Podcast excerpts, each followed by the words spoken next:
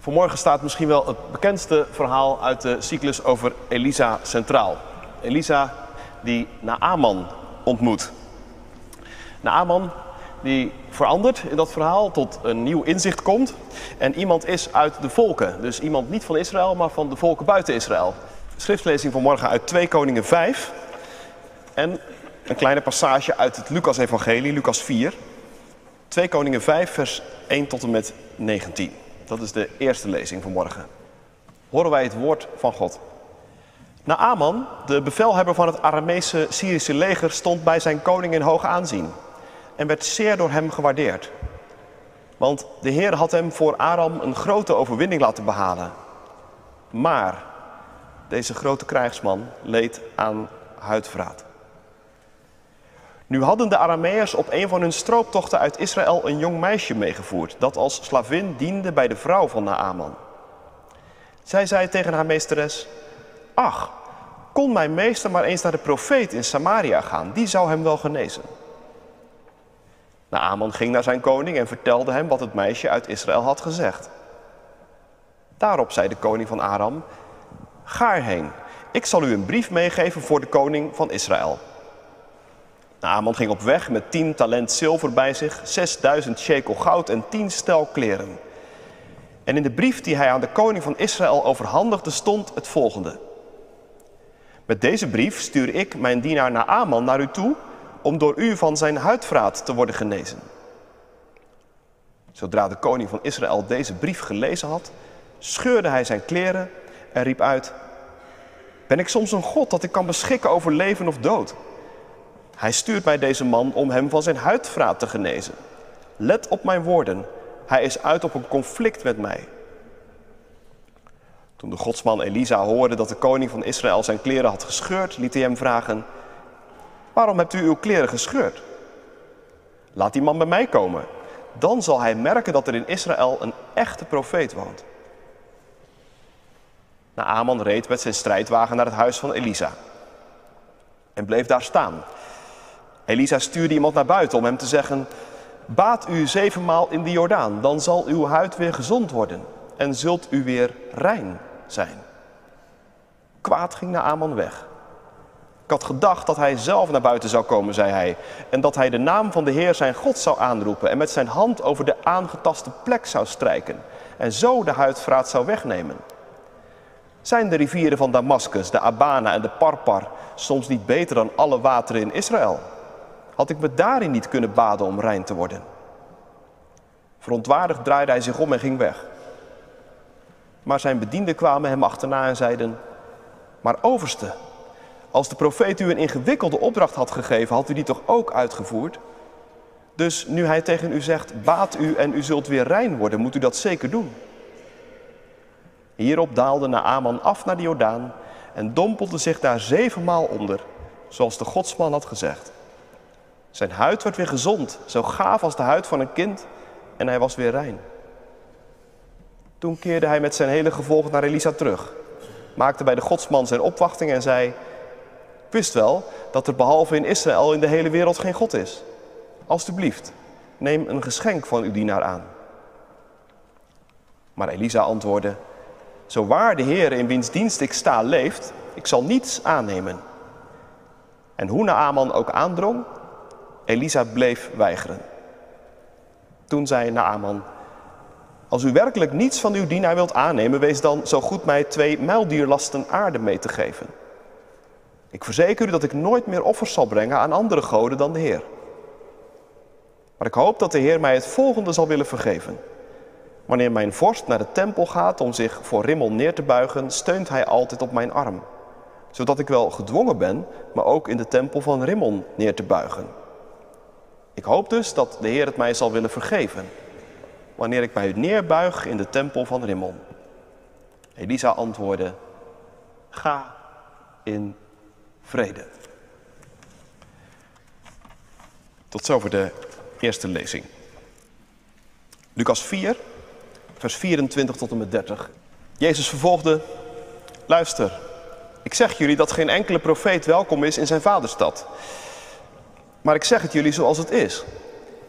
In de tijd van Elia, toen de hemel drie jaar en zes maanden lang gesloten bleef, en er in het land een grote hongersnood uitbrak, waren er veel weduwen in Israël. Toch werd Elia niet naar een van hen gezonden, maar naar een weduwe in Sarepta bij Sidon. En in de tijd van de profeet Elisa waren er veel mensen die in Israël aan huidvraat leden. Maar niemand van hen werd gereinigd, behalve de Syriër Naaman. Toen de aanwezigen in de synagoge dit hoorden, ontstaken ze in grote woede. Ze sprongen op, dreven hem de stad uit, naar de rand van de berg waarop hun stad gebouwd was om hem in de afgrond te storten.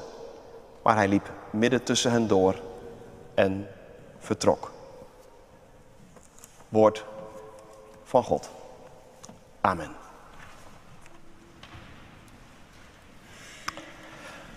Uitgangspunt voor de verkondiging is vers 13 uit 2 Koningen 5. Dat leek me een goede ingang om dit toch wel hele grote en ook wel heel gelaagde gebeuren een beetje te kunnen uh, bevatten. Um, de tekst staat uh, in een andere vertaling afgedrukt in de orde van dienst. En de dikgedrukte woorden, dat zijn als het ware een beetje de kapstokjes van de preek. Mijn vader, als die profeet iets moeilijks opgedragen had, zou u dat dan niet gedaan hebben? Hoeveel te meer nu hij tegen u gezegd heeft, was u en u zult rein zijn. Daarom daalde hij af, dompelde zich zevenmaal onder in de Jordaan en hij werd rein. Gemeente van Christus, broeders en zusters hier in de kerk of op afstand met ons verbonden. Naaman is een held. Een gevierde man met een indrukwekkend cv. Een stormachtige carrière heeft hij gemaakt in het Syrische leger en het tot generaal gebracht. En in die functie is hij meer dan succesvol. Dat maakt hem bekend en geliefd in de hogere kringen. Nou, is wat je noemt echt een celebrity. Overal waar hij komt wijken de rijen, maken mensen een buiging of vragen ze om een handtekening. Bij zijn heer, de koning van Syrië, heeft hij diep respect afgedrongen, gedwongen. Naaman is echt een man van aanzien. Maar daarmee is niet alles gezegd. Er is iets in zijn leven dat hem niet loslaat. Iets waar hij mee opstaat en waar hij mee naar bed gaat. Dag in, dag uit. Iets dat zich ook niet zomaar laat wegmasseren. Niet door succes of waardering en niet door wapenfeiten en overwinningen. Naamal is iemand met een maar in zijn leven. Iemand met een verhaal achter het verhaal dat iedereen kent. Een strijdbare held staat er, maar melaats. En met zo'n maar in je leven kun je het aardig te stellen hebben. Misschien herken je dat. Ik ben benieuwd wat jouw maar is. Vooral ook omdat het bij zo'n maar vaak gaat over dingen die anderen niet zien of niet weten. Je kunt, naar het lijkt, een gelukkig gezin hebben, maar s'nachts wakker liggen om een van je kinderen. Je kunt een goede baan hebben, maar ondertussen het heel moeilijk vinden om single te zijn. Je kunt een redelijk rustig leven leiden, maar toch altijd weer bang zijn dat die ziekte van vroeger opspeelt. Je kunt populair zijn in je klas of op je vereniging. Bij wijze van spreken aan iedere vinger twee vriendjes of vriendinnetjes krijgen. Maar ondertussen niemand hebben bij wie je je echt op je gemak voelt. Ik las een interview met een psychiater die topmuzici coacht. En ze zei, het is opvallend dat in een tijd met zoveel luxe en comfort als die van ons, zoveel mensen ongelukkig zijn. Ik sprak een patiënt, zei ze, die zo welvarend was dat ze bij wijze van spreken al voor een lekkere kop koffie met haar vriendinnen naar Wenen vloog. Maar toch was ze ongelukkig. Over een maar gesproken. Nu, het maar van Naaman heeft hem een eind van huis gebracht. Hij bevindt zich in vers 13 met zijn gevolg in het land Israël. Of nou ja, hij bevindt zich nog in het land Israël. Want eigenlijk staat hij al op het punt om linea recta terug te keren naar Syrië. Want zijn zoektocht heeft namelijk niks opgeleverd. Hij kan van zijn maar niet worden afgeholpen. Een maffe profeet met een rare opdracht. Ga je zeven keer wassen in de Jordaan. Maar dat denk je toch zeker niet? Ik ga me niet wassen in zo'n stinksloot. Maar op dat cruciale moment grijpen zijn dienaren in. Mijn vader, zeggen ze, als die profeet u iets moeilijks had opgedragen. Die profeet. Dat is natuurlijk Elisa, maar deze Syriërs kenden Elisa niet bij naam. En het is ook een beetje een wonderlijke figuur natuurlijk. Hij laat zich niet eens zien. Hij stuurt zijn knecht naar buiten met een vreemde opdracht. Wat moet je met zo'n man? Dat is wel een goede vraag. En een hele belangrijke vraag ook in dit hele gebeuren. Want hoe waren ze eigenlijk op het spoor van die profeet gekomen? Dat was allemaal begonnen met het kamermeisje van zijn vrouw. Een meisje uit Israël, in dienst bij mevrouw Naaman en begaan met haar baas. Dat is tussen twee haakjes een heel opvallend detail in het hele verhaal. Hoezeer de omgeving op Naaman gesteld is.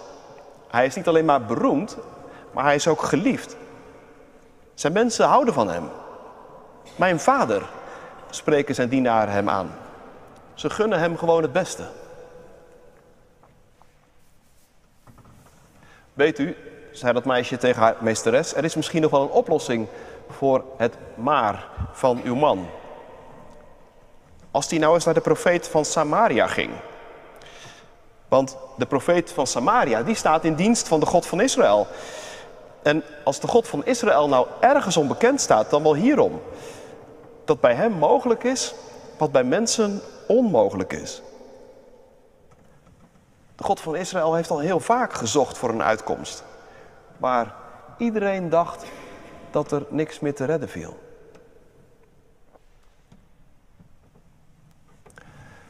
Goed, dat moeten we dan maar proberen, is de conclusie.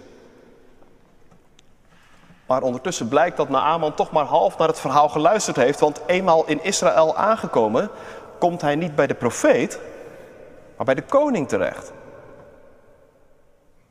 Dat hij daar moet zijn voor zijn genezing, dat beschouwt hij kennelijk en iedereen in zijn omgeving ook als iets vanzelfsprekends. Nou ja, iedereen. In ieder geval de mensen met macht. Naaman, zijn heer, de koning van Syrië. Ik dacht, misschien is dat wel heel kenmerkend voor mensen met macht en aanzien en geld. Als je geld, macht en aanzien hebt, ook niet eens per se heel veel macht of geld of aanzien, dan denk je al snel dat je voor de oplossing van je problemen het ook daarvan moet hebben. Je verwacht misschien vanzelfsprekend het meest van de mensen die ongeveer in dezelfde bubbel zitten als jij. Die ook min of meer zo in het leven staan. De wereld beleven zoals jij hem beleeft. Zo werkt dat toch vaak wel?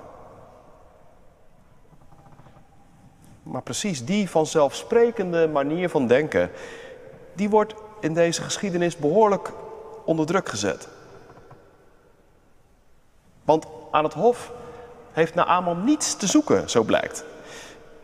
De aanbevelingsbrieven die hij meegekregen heeft, goede contacten zijn meestal heel handig, die veroorzaken paniek.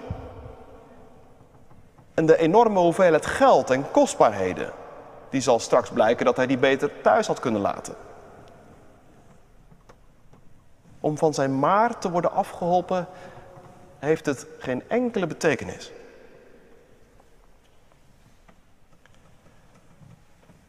Best even een confronterende lijn in dit gebeuren, vind je niet? Ik denk, wij zoeken net als Naaman allemaal naar manieren om met de grote en de kleinere maars in ons leven om te gaan.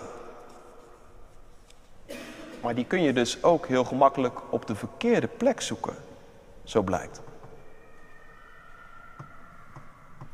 Het Jacobi-debat afgelopen maandag ging over zinnig zoeken. Maar het verhaal van de Amal laat zien dat niet elk zoeken van ons zinnig zoeken is. Waar moet je zijn En van wie moet je het hebben?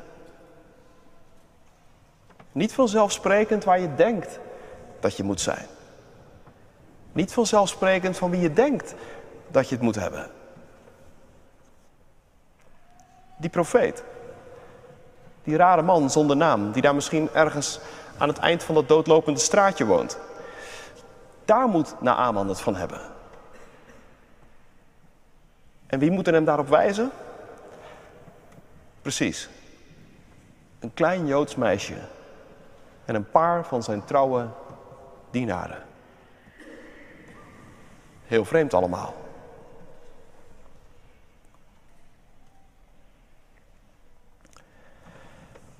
En alsof dat nog niet genoeg is, niet alleen op de vraag waar hij het zoeken moet, wordt Naaman uitgedaagd, maar ook op het hoe en wat. Want werkelijk niks gaat volgens plan in dit verhaal. Eenmaal bij Elisa aangekomen, de profeet gevonden, blijkt Naaman een heel duidelijk beeld te hebben eigenlijk van wat hij denkt dat hem te wachten staat. Hij blijft voor de deur van het huis van Elisa staan, staat er. Ja, logisch natuurlijk, denk je. Als je zo denkt als Naaman, voor mij zal die profeet toch wel naar buiten komen. En dan zal hij voor mij gaan staan, dan zal hij de naam van zijn God aanroepen. Dan zal hij een soort van strijkritueel uitvoeren met zijn handen. Maar nee, dus. Geen indrukwekkend ceremonieel. De profeet laat zich niet eens zien. Hij stuurt zijn knecht met een boodschap. Ga heen, was je zeven keer in de Jordaan. Dan zal je lichaam gezond zijn en je zult rein zijn. Maar daar bedankt Naaman dus voor. Dat is hem simpelweg te min. Hij kent wel mooiere rivieren.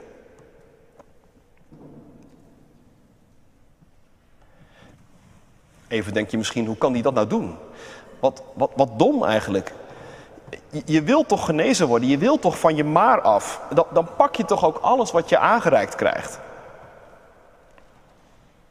Ja, als je daar nou even wat op doordenkt, dan, dan snap je het toch misschien ook wel weer. Ik herken het wel eigenlijk. Naaman laat zien dat je als mens niet alleen maar een maar hebt, maar dat je misschien ook wel een levend maar bent. Ja, maar. Altijd weer ja, maar. Christus komt naar ons toe in eenvoudige woorden, in tekens van brood en wijn. Hij belooft reiniging, vergeving, zegt tegen ons: Kom allen tot mij die vermoeid en belast zijn, dan zal ik je rust geven. En dan komen wij met: Ja, maar. Ik zei bij mezelf, zeggen we dan, of ik had zo gedacht.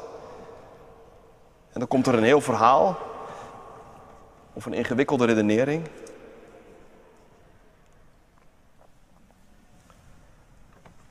Mijn vader, zeggen die knechten, als de profeet u iets moeilijks had opgedragen, zou u het zeker gedaan hebben.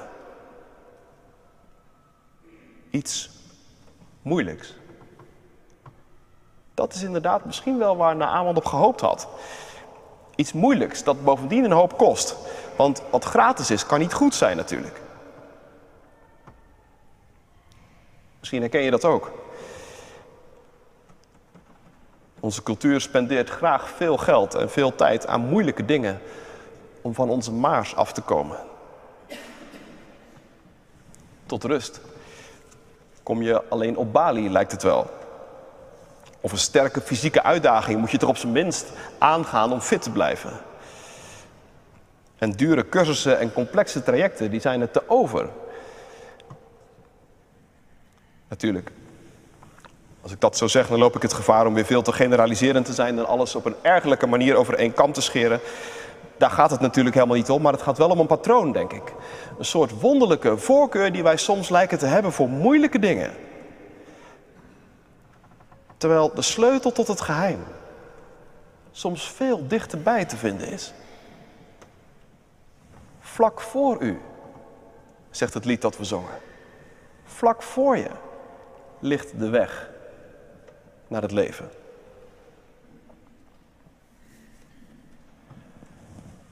Iets moeilijks. Dat krijgt Naaman dus niet. Maar is het dan iets makkelijks wat hem wordt opgedragen? Nou, zijn knechten vinden van wel. Was je zeven keer in de Jordaan, wat is daar nu moeilijk aan? Maar voor Naaman is het blijkbaar toch heel ingewikkeld. Waarom? In de eerste plaats knapt hij af op die Jordaan. In zijn ogen is dat niet meer dan een stinksloot. Er zijn veel betere rivieren. Daar kan het toch ook? Nou ja, denk je, zit het hem dan in die Jordaan en hoe dan? Zou die genezing niet gewoon ook echt ergens anders hebben kunnen gebeuren? Misschien is het je opgevallen de afgelopen weken dat in de geschiedenissen van Elisa de Jordaan best een belangrijke rol speelt. Telkens komt die Jordaan terug. Maar het punt is niet dat die Jordaan nou magisch water zou bevatten of zo. Maar wel is het punt dat de Jordaan telkens weer de toegangsrivier tot Israël is. Een bad in de Jordaan brengt je dus in Israël, in de buurt van de God van Israël. Dat is het punt. Genezing, heling, een manier om je weg te vinden met alle maars in je leven, dat is allemaal niet los verkrijgbaar. Naaman kan niet van zijn maar worden afgeholpen zonder in aanraking te komen met de God van Israël. En de God van Israël komt meestal niet met groots vertoon. Niet met ingewikkelde rituelen. Die komt naar ons toe met een woord. Een stille stem die jou roept. Op allerlei manieren. En zeker ook op onverwachte manieren. Tot en met een vreemde profeet toe, die zich niet eens laat zien.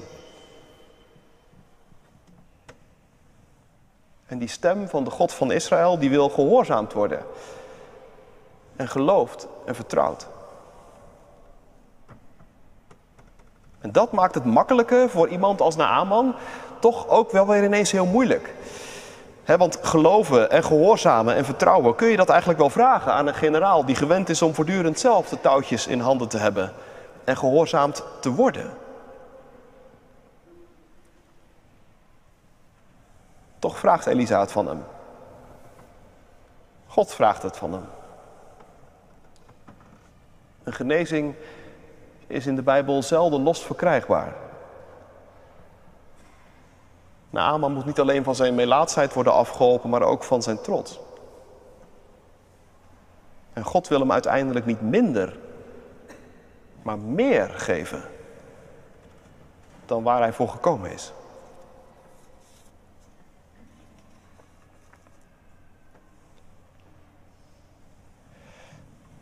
Dat merk je ook aan de manier waarop er in dit hoofdstuk een beetje wordt gespeeld met de woorden gezond en rein. Nou, Aman komt, heel duidelijk, voor gezondheid. Zijn ziekte is zijn grote maar. Maar wat zegt de profeet tegen hem? Was je en je zult rein zijn. Dat gaat over meer dan alleen maar over lichamelijke genezing. En dat zie je veel vaker terug in de Bijbel. Ik denk dat je het zo zeggen moet. Het gaat de God van Israël voortdurend om redding, om reiniging, om heling. Dat is, om het zo te zeggen, een totaalpakket. Een genezing zonder reiniging, die heeft uiteindelijk geen zin. Reiniging gaat over meer dan over genezing. Reiniging gaat bijvoorbeeld over ons verleden, over alles wat we in ons rugzakje met ons meezeulen en wat een last voor ons is, wat we meeslepen. Het gaat over al je maars, over je schuld en je schaamte, over je pijn en je verlies. En reiniging van dat noemt Jezus vergeving van zonde. Maar reiniging gaat over zelfs nog meer. Het gaat ook over je toekomst. Het gaat ook over dat wat voor ons ligt en waar je misschien zo tegenop ziet. De toekomst. Die voor ons allemaal, hoe dan ook, een keer zal eindigen met de dood. En die daarom ook wel iets van een lot in zich heeft. Ook al denken we daar natuurlijk liever niet zo over na. Een redding van die toekomst. Dat noemt Jezus het eeuwige leven. Wat achter ons ligt, wordt vergeven. Wat voor ons is, wordt een geschenk in plaats van een last. Dat is in de Bijbel allemaal reiniging, heling en redding. En genezing dan? Genezing gebeurt daar als het ware tussenin. Genezing is altijd of een uitvloeisel van de vergeving van zonde, of het is een voorschot op het eeuwige leven. Soms. Niet altijd. We hoorden het Jezus zeggen in Lucas 4. Er waren veel meer weduwen dan die ene. En veel meer meelaatsten dan alleen Naaman. Een genezing is dus zeker niet iets vanzelfsprekends. Maar ook als je niet genezen wordt. Of ook als je je hele leven blijft lasthouden van je maar. Dan hoef je niet te twijfelen aan je reiniging. Laat staan dat je hoeft te gaan twijfelen aan God. Want geneest God vandaag nog? Zeker. Soms. Net als het vroeger ook soms gebeurde. Maar wat nog belangrijker is, God reinigt, heelt en redt. Altijd.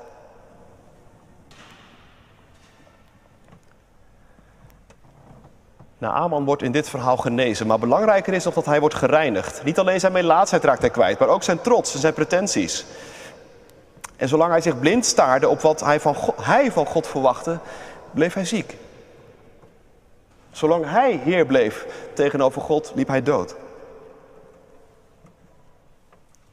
Toen begon hij te luisteren naar zijn knechten. Zou u misschien niet, fluisterden ze toe, het is toch niet moeilijk? Toen begon de verandering. En ik denk, daar begint altijd de verandering. De reiniging.